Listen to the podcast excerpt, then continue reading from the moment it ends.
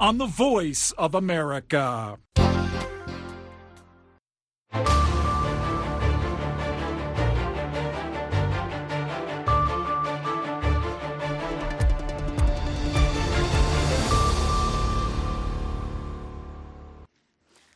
subax wanaagsan dhegaystayaal dhammaantiinba kuna soo dhowaada idaacadda subaxnimo ee laanta af soomaaliga e v o a oo idinkaga imaanaysa magaalada washington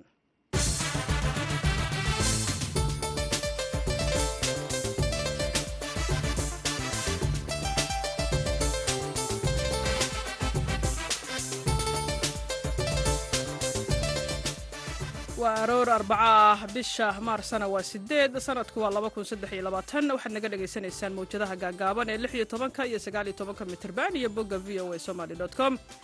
Saacadda afrikada bari waa lixda iyo barka aroornimo idaacadda saaka iyo caalamkana. Waxaa idinla socodsiinaya aniga oo ah caasho ibraahim aadan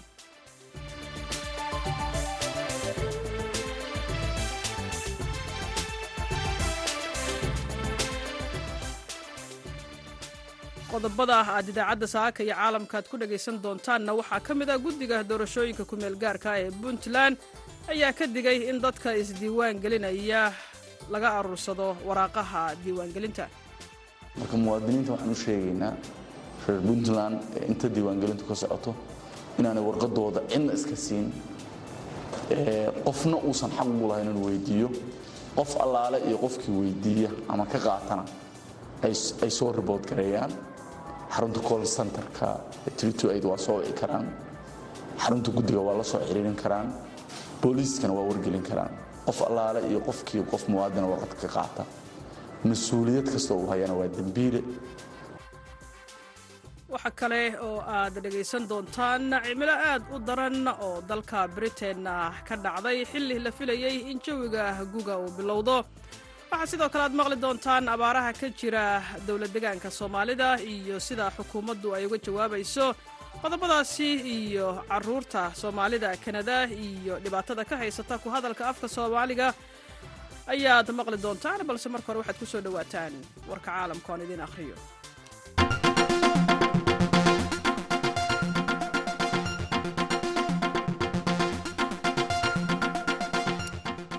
danjiraha ruushka u fadhiya dalka malawi ayaa sheegay in uu rajaynayo in hogaamiyayaasha afrika ay ku baaqaan in la soo afjaro cunuqabataynada caalamiga ah ee ka dhanka ah ruushka xilli la filayo inuu qabsoomo shirka u dhexeeya afrika iyo ruushka. Nikoliya karazilinikof ayaa faaladan bixiyey xilli uu ruushka ugu deeqay dalka malawi ilaa iyo labaatan kun oo tan oo ah agabka bacriminta beeraha dadka faalleeya siyaasadda ayaa waxay u arkaan tallaabadani uu ruushku qaaday in uu uga dan leeyahay in uu ku kasbado taageerada diblomaasiyadeed ee dalalka afrika si uu taageero ugu helo dagaalka dalka ukraine. Taageeradan bacariminta beeraha ayaa waxa ay ka noqonaysaa oo keliya saddex boqolkiiba baahida guud ee dalkaasi uu uga baahan yahay agabka dhinaca bacariminta beeraha taasoo gaaraysa ilaa iyo lix boqol oo kun oo tan midowda yurub ayaa cunuqabatayn waxa uu ku soo rogay sagaal qof oo ay ku jiraan laba xubnood oo sarsare oo ka tirsan xukuumadda taalibaan iyo saraakiisha militariga iyo booliska ruushka. Ururkan oo ka kooban toddoba iyo labaatan waddan ayaa dhammaantood waxa ay ku eedeynayaan in ay ku lug leeyihiin xadgudubka xuquuqda iyo sidoo kale xadgudubyo ka dhana haweenka. Taalibaan ayaa sidoo kale waxa ay tallaabadan ayaa waxay ku soo beegamaysaa habeen ka hor maalinta haweenka adduunka. Madaxa siyaasadda arrimaha dibadda ee midowda yurub joseph borrell ayaa yidhi waxaan kor u qaadaynaa dadaalada looga hortegayo xadgudubyada ka dhanka haweenka. Si loo hubiyo in kuwa mas'uulka ka ah ay si buuxda ugala xisaabtamaan falalkooda iyo sidoo kale si loola dagaalamo isla xisaabtan la'aanta.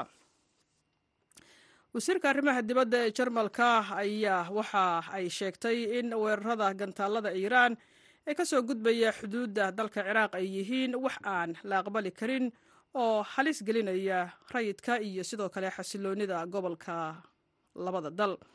Wasiirka ayaa hadalkani waxa ay ka sheegtay markii ay booqasho ku tagtay caasimadda dalka ciraaq ku dhowaad labaatan sano kadib duulaankii maraykanka uu ku qaaday dalkaasi. Weerarada gantaalada taliska iiraan waxa uu muujinayaa ma aha oo keliya inuu si taxadar la'aan ah oo naxariis darro ah u caburiyo dadkeeda. Ee waxa uu sidoo kale halis gelinayaa nolosha bini'aadamka iyo sidoo kale xasiloonnida gobolka oo dhan si ay u sii haystaan. Sida hadalka loo yiri xukunka ayay tiri. Sanadkii hore xukuumadda tehraan ayaa gantaallo waxa ay ku riday saldhigyada kooxaha kurdiyiinta ee waqooyiga dalka ciraaq oo ay ku eedeysay inay ku lug leeyihiin mudaharaadyada lagaga soo horjeedo xadidyada ama xadidaadda haweenka? Sidoo kalena barakiciyey boqolaal kurdiyiinta iiraan ah islamarkaana dilay ugu yaraan hal qof. Sideed kalena dhaawacay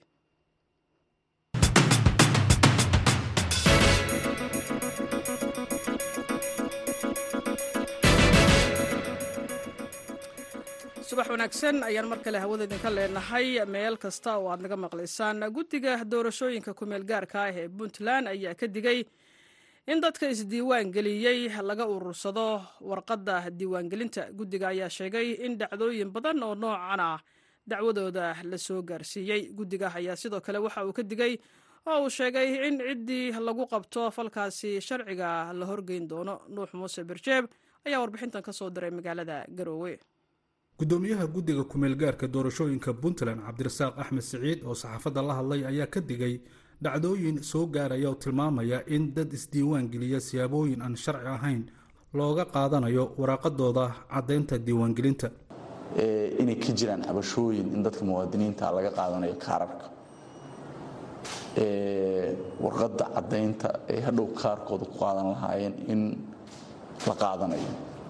Arrintaas waxaa ku jira dad fara badan oo kala duwan maamullo degmooyin kuwo xaafadeed mas'uuliyiin ururo siyaasadeed dad doonaya inay is-sharaxaan shakhsiyaad intaba waa la sheegaya inay ku jiraan. Waxaan rabaa shacabka horta mar koowaad inaan u sheego inay iyagu iska leeyihiin warqaddaas in qofka muwaadinkaa ay tahay xaqiisa inuu helo warqad inaan cidina xaq ugu lahayn inay weydiiso oo tiraahdo warqadaadana sifo kasta ha ahaatee. Inay tahay caddaynta uu berri kaarkiisa uu ku codayn doono berri uu ku qaadan doono.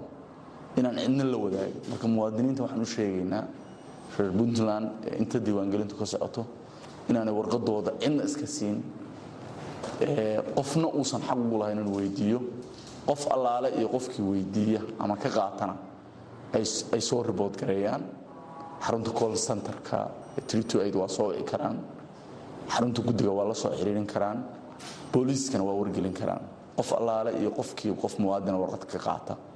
Mas'uuliyad kasta uu hayana waa dembiile booliiska iyo hay'ada amniga waxaan faraynaa in tallaabo laga qaado cid kasta oo isku dayda ama lagu ogaado kuwo laga qaaday oo shalay la soo qabtayna waa jiraan iyagoo dad kaararkood urursanaya hadda kadibna waa dembi qofkii qof kaarkiis qaata ama kharbuda goob isagoo doonaya kaarar waa dembi qofna kaarkiis lama siin.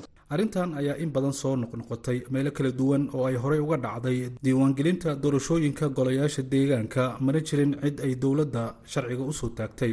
Waxaana arrintaani cabasho ka keenay xiliyadaasi dad la sheegay inay ku jireen xeryaha barakacayaasha gudoomiye cabdirasaaq ayaa sheegay in dhanka kale ay ku guulaysteen guddiga diiwaangelinta degmooyin badan oo laga hirgelin doono golayaal deegaan oo ku imaan doona doorashada dadka.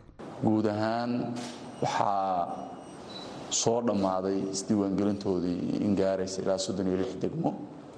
Diiwaangelintu hadda waxay ka socotaa ilaa siddeed degmo toddoba degmo oo gobolka muduga iyo degmada garoowe inta kalena waa ay soo dhammaatay isdiiwaangelinta waxaan aada u bogaadinaynaa shacabweynaha puntland ururada siyaasadda hay'adaha amniga howlwadeennada iyo shaqaale weynaha tiibeg iyo dhammaan intii naga shaqaynayso hay'ada dowladdu kalena ka mid yihiin. Muddadii shaqadaas socotay si hagar la'aana hawshaa uga shaqay si gaara howlwadeennada tiibeg guddi iyo shaqaalaba oo dadaal muujiyey muddadaas labada bilood iyo asbuuc ah oo aan wax nasasho ay jirin maalin kastana ay shaqo socotay waxaan rabnaa inaan halkan ka sheegno in gobollada ay diiwaangelintu ka socoto. Gobolka mudug kii bisha bay bilaabatay february. Maantana waa sideed bishu. Toddoba weeye bishu sideeddaas beri bay socotaa. Waxaa u dhiman muddo gaaraysa shan beri oo ku eg labayo tobanka bisha marka waxaan muwaadiniinta dhammaantood ku inay isdiiwaangeliyaan muddada goobaha ay tagaan. Muddadaasoo keliya ayayna furan yihiin goobaha isdiiwaangelintu degmada garoowe iyadana labadii bisha furantay waxay xirmi doontaa afariyo tobanka bisha marka iyadana muwaadiniinta waa inay tagaan oo isdiiwaangeliyaan muddadaas sidaasna u ogaadaan in wakhtigu socdo dhammaan dadka isdiiwaangelinaya waa markii ugu horreysay oo puntland uu ka hirgalo nidaamkan iyadoo dowladihii hore oo isku dayay aysan u hirgelin inta iminka u qabsoontay xukuumaddan walow ay jiraan siyaasiyiin diidan qaabka ay wax u socdaan una arka in xukuumadda siciid cabdulaahi deni ka leedahay dana gaar ah. Nuux muuse birjeeb v o a garowe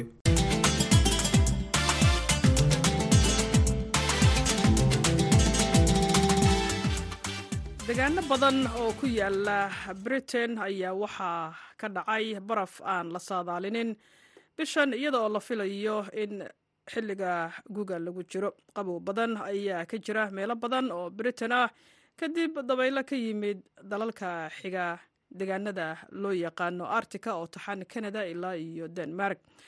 Faahfaahin ku saabsan amuurtan waxaa london ka soo diray wariyaha v o eda qaaradda yurub cabdixaafid cawl ismaaciil galbeedka london oo aan ku suganahay waxaad dareemaysaa qabow badan caadiyan xilligan waxaa la filaya neecawda xilliga guga london baraf badani kama uu dhicin laakiin baraf ka badan toban sentimitir oo u dhiganta ilaa iyo saddex dhibic sagaal inch ayaa xalay ka da'ay waqooyiga scotland.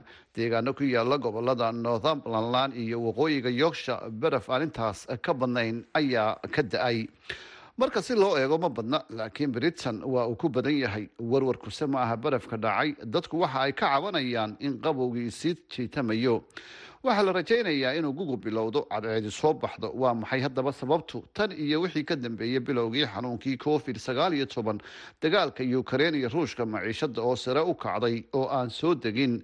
Waxa dheer qiimaha gaasta guryaha lagu shito iyo qalabka waxdiiriya oo qiimuhu saddex laabmay nimco cali waa gabadh soomaaliyeed oo degan galbeedka london. Waxa ay iga warantay culayska qiimaha gaasta iyo biilasha qalabka wax lagu diiriyo ee kor u kacay waan ku salaamay cabdixaafid adiga iyo v o edaba walaalo sida aad la socotid horta dee wadankan u k iminka qabow baa ka jira dabaylaa jira rooba baa jira adigaa arkaya maanta wadarku sida uu yahay.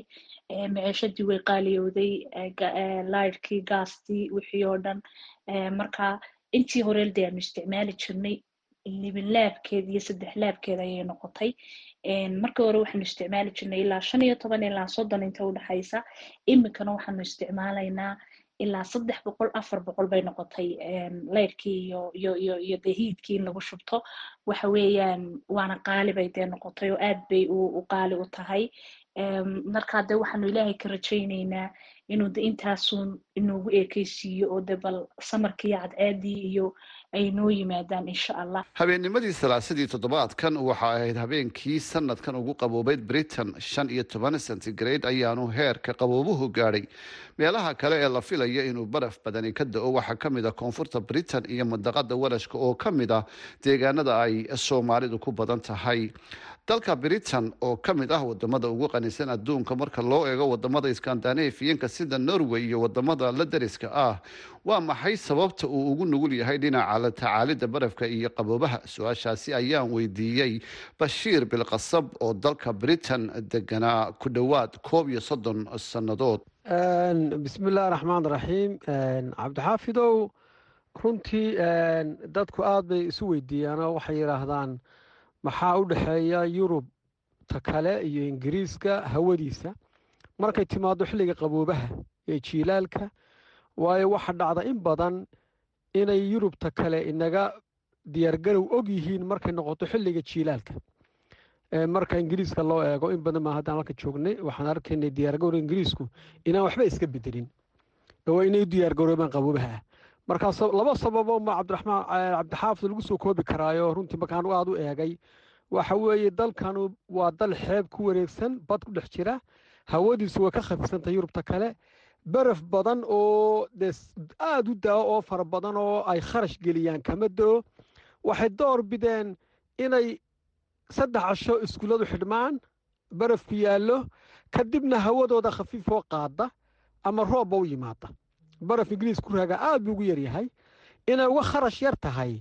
Inay u diyaargaroobaan waddooyin gawaadhidoo shaagaga laga bedelo koskiiba isu eegeen. Innaga yurubta kala mid mihim dad u yar baa jooga. Ingiriiska lixdan milyan baa ku nool.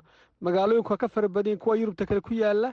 Markaa kharashkii uma saamaxayo inay sameeyaan inay kharash badan geliyeen waxay ka door bideen saddex asho ereboodada tareennada iskuullada ha la xidho wixii ka dambeeya ama roobbaa iman ama hawada khafiifa iman soo qaadi doonta. Hay'adda saadaasha hawada ee britain ayaa toddobaadkan ka digtay in la filayo baraf badan oo soo daata toddobaadkan waxaana la filayaa in uu khalkhal ku yimaado isu socodka gaadiidka oo duulimaadyadu ku jiraan iyo tareemada iyo in meelo badan korontadu ka go'do dhinaca kale deegaanada uu barafku ka da'ay ayaa la filayaa in uu baraf kale oo la xaadlihay toddobaadkan ka di'i doono. Cabdixaafid cawir ismaaciil v o a london.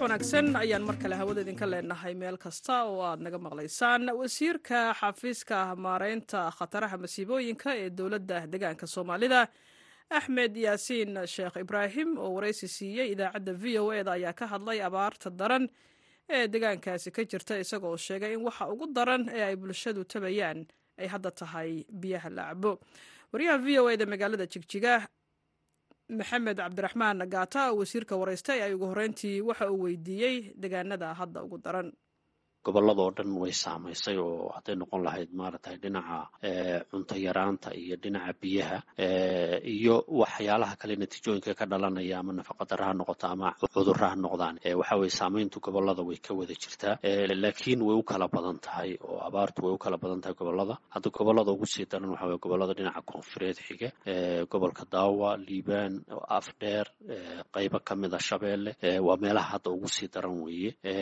saamaynta ugu badan dabcan markii abaar timaado waxa waa dhinaca biyaha. Waxa ay dadku meel kastoo aad tagto runtii dhinaca biyaha cadaadis fara badan iyo cidhiiri fara badan baa ka jira. Mudane wasiir ilaa hadda maxaa tallaaba ood qaadeen si markaasi loogu gurmado dadku ay abaaruhu saameeyeen? Ka xukuumad ahaanna anagu biyodhaan baa hadda ka socda. Deegaanka o dhan biyodhaan baa ka socda. Waxaana u xil saaran oo maaragtay loogu talagalay inay biyodhaankaa sameeyaan. Waxaweye maamulada degmooyinka weeyaan maamulada degmooyinka marka way wadaan biyodhaanka way wadaan hay'adaha qaybo yar oo kamida way wadaan oo marka la eego hadda assessmentiga ama qiimeynta ugu dambeysay aanu samaynay boqolkiiba shan iyo toban baahida guud ee biyaha iyay maaragtay hay'aduhu gacan ka geystaan. Laakiin inta kale dowladda wada laakiin de waxa la wado iyo baahida jirta aad bay u kala maaragtay culus yihiin oo aad bay u kala fog yihiin. Dabcan dhinaca cuntada lafteeda waxa weeye saameyn badan baa ka jirta. Sababtuna waxa weeyaan iyada oo mani dalagyadii soo go'ay ee beeraha ka soo go'ay ma aha wax ku filan deegaanka ku filan ma aha xoolahana wax nacfi oo haba yaraatee laga helaayo ma jirto iyagaa la quudiyaa. Saa darteed waxa weeye dhinaca cuntada lafteedu cidhiiri baa ka jira.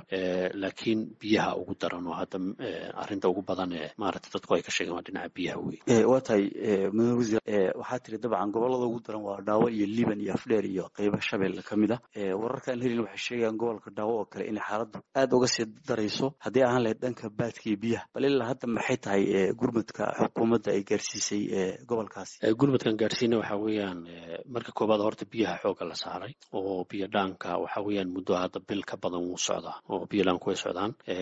Ma garanaysaa wixii degmooyinka ay wadaan mooyaane waxyaabo kaloo waxaa jira iyada lafteeda anu hay'adaha la kaashanayo in iyaga laftoodu ay qorshaha ku darsadaan biyo dhaanka inay qayb ka noqdaan. Dhinaca biyo dhaanka marka inaan aada xooga u saarno si dhiiri gelina haddii ilaha yidhaahdo haddii ay maaragtay dee duruuftu sii adkaatana qasab waxay noqonaysaa in booyada dheera in la raadiyo iyo qasab noqonaysa hadday duruuftu sii adkaato. Dhinaca raashinka sidoo kale iyadana waxaa ka jira macnihii jawaab celin baa ka jirta. Waxaa jirta ma garanaysaa raashin badan oo deegaanka yimid baa jira oo aad u fara badan oo hadda raashinkii gargaarka ahaa ee doorkii hore waxa weye waxaa lagu daray raashin aad u fara badan baa lagu daray oo aan ugu talagalnay qorshahan abaaraha in lagaga jawaabo. Doorkan hadda soo socdan haddii ilah yidhahdo mid kaloo dheeri ah baa lagu dari doonaa. Ujeedadan taa u samaynayna waxa weeyaan dhinaca logisticada marka la eego iyo dhinaca raashinku qaabka uu u gaadhayo deegaanka. Waxaa fiican dhinaca gargaarka macnii in la mariyaa fiican sababtoo ah waxa weeyaan ilaa kun iyo lix boqoloo goobood inka badan yaa yaa iyuu raashinkaasi tagaa. Marka in aan samayno magaranaysa raashinkaas inaan cadadkiisa kor u qaadno. Waxaa kaloo socda iyaduna dhinaca maaragtay la dagaalanka nafaqa darada oo meelaha qaarkood nafaqa daraa ka baxday. Marka response fara badan baa laga sameeyey jawaab fara badan baa laga sameeyey. Meelaha hadda aan soo marnay oo dhinacan hadda gobolka afdheer qaybo ka mid ah oo markii hore nafaqa darada laga sheegay waan soo marnay dhammaantood waan soo wada aragnay. Xaaladdu hadda waa stable weeyaan aad bay u fiican tahay. Marka waxaa kaloo aan xooga saarayna haddii ilah yidhahda calafka xoolaha hadda xafiiska xooluhu maxaan ku idhahdaa maalinkii dhaweyta afdheer aan tegaynay waan isla soconay oo godi markaan tegin waan isla soconay wasiirka. Waxaa halkaa laga ray lix toban baabuur baa la raro calafka xoolaha. Haddana ku kala diyaar ahoo la rari doona haddii aan laydmo marka waxaan ugu talagalnay calafka xoolaha isaga laftiisa. Xoolihii o dhan lama wada siin karo laakiin xoolaha kuwa ama irmaan ama maaragtay dee uureyda ah. Kaasi waxa uu ahaa wasiirka xafiiska maareynta khataraha masiibooyinka ee dowladda deegaanka soomaalida axmed yaasiin sheekh ibraahim waxa uu u wariyaha v o e da ee jigjiga maxamed cabdiraxmaan gaata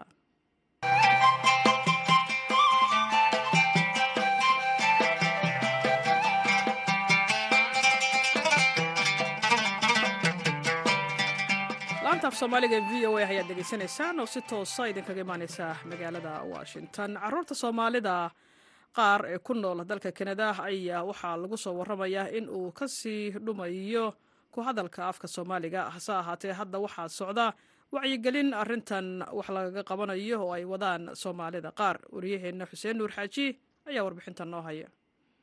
Afka hooyo waxaa lagu sheegaa inuu yahay kan qofka ku xiraya dhaqankiisa iyo halka uu ka soo jeedo.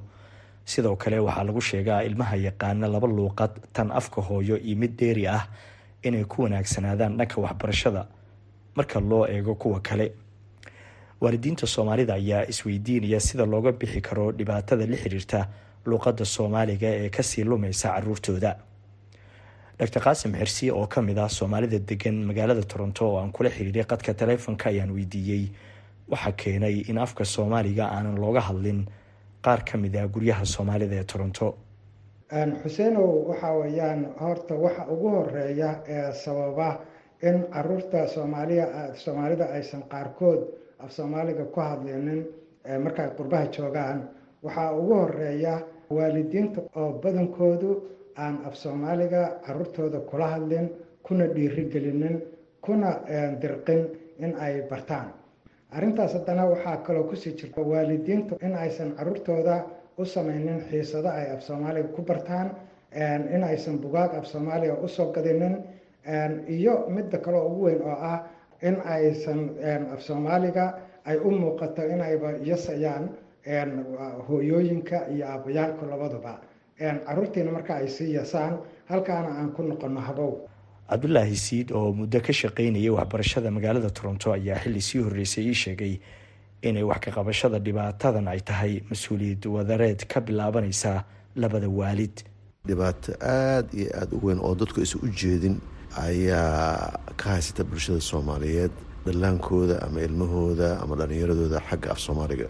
Haddaad u fiirsatid dadka kaleoo wadanka nala jooga oo kala duwan hindi ha noqoto muxuu ahaa isheeg bakistan ha noqoto afrikaanka kale ha noqoto etoobiyaanka ha noqoto waxaa arkaysaa yacni ilmahooda afkii dhaqankooda iyo afkan ingiriiska labadaba mataqaana waa si fiican mataqaana afkooda way haystaan. Waxaana la ogaaday ilmaha maaragta oo bilingualka ah oo luqadda ingiriiska ma luqa kala yaqaana inay fahamka waxbarashada kaga fiican yihiin ardada kale oo luqadda kaliya wata sidaas daraadeed marka su'aasha ah dhibka xaggee maaragta uu ka yimid ina ilmaheena is af soomaaliya aysan ku hadlayn dhibka ani waxaan qabaa inuu yahay guriga aabbaha iyo hooyada. Wax kasta waxaa la yidhaahdaa hooyada loo saaraya afka hooye ama maya. Waxaa la rabaa aabbaha hooyada habaryarta walaalaha waaweyn. Qof kastoo guriga joogahay ilmahaas yararka ah in maaragta laga caawiyo inuu luqada barto. Ilmuhu waa xaasho cad waaye. Wixii lagu qoro ay mataqaana ay soo saarayaan. Waxaa hadda bilowday baraarug la xiriira sidii arrimahan wax looga qaban lahaa maadaama carruurta ku dhashay kanada gaar ahaan kuwa toronto ay qaarkood ku hadlin luuqadda soomaaliga ama ay ku adag tahay haddaba doctor qaasim xirsi ayaan weydiiyey. Waxa halka uu noqon karo. Siyaabaha looga bixi karo oo dhibkaa looga tegi karo waxaa ka mid ah in la yiraahdo marka ugu horeysaba carruurta loo sameeyo xiisado ay ku bartaan af soomaaliga. Caruurta ku nool qurbaha oo dhan waxaa jira barnaamijyo ay dowladuhu reer galbeedka oo dhan kabaan oo ah qolo walba inay luuqadeeda barato. Marka barnaamijyadaas in laga qeybgeliyo carruurta af soomaaliga si nadiifa oo toosa loo baro gurigana loogula hadlo islamarkaana looga dhigo luuqad macnole oo qiimole loo tusiyo. Iyada oon loo kala tusaynin lahjado kala duwan iyo waxaas laakiin af soomaaligii loo xifdisiinayo.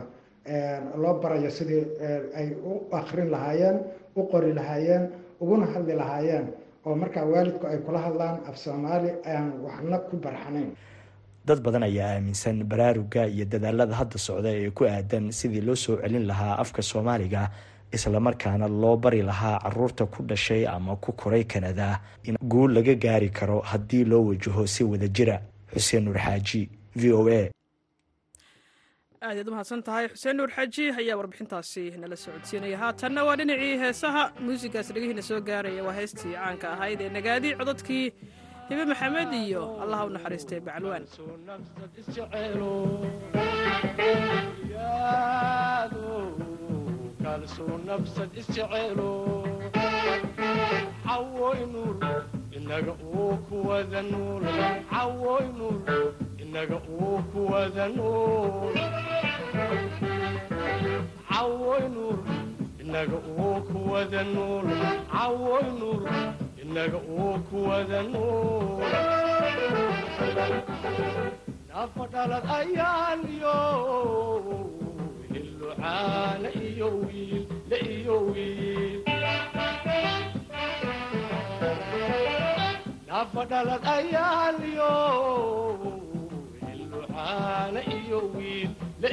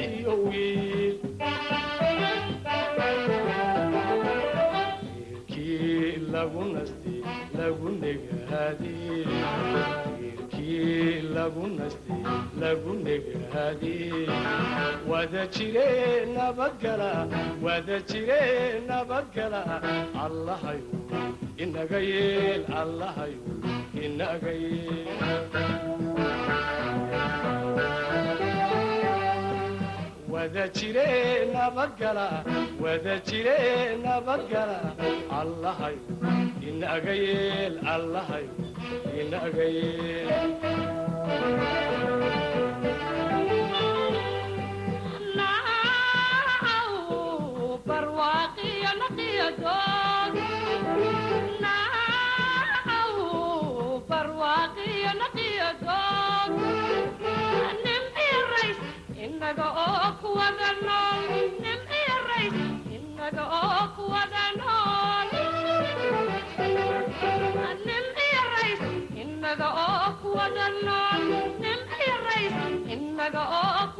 roo nasiibadan codadkaasi hibe maxamed iyo allah u naxariistay fanaanka cabdicali bacalwaan. Heestay wadajirka u qaadayeen ayaan ku soo gabagabaynaynaa baahinteennii saaka iyo caalamka ee laanta af soomaaliga v o a. Waxaa idinla socodsiinaya aniga oo ah caashi ibraahim aadan. Dhinac iskudabaridka waxa uu ahaa bashiir abikar cabdulaahi intaan mar kale kulmayno nabadgelyo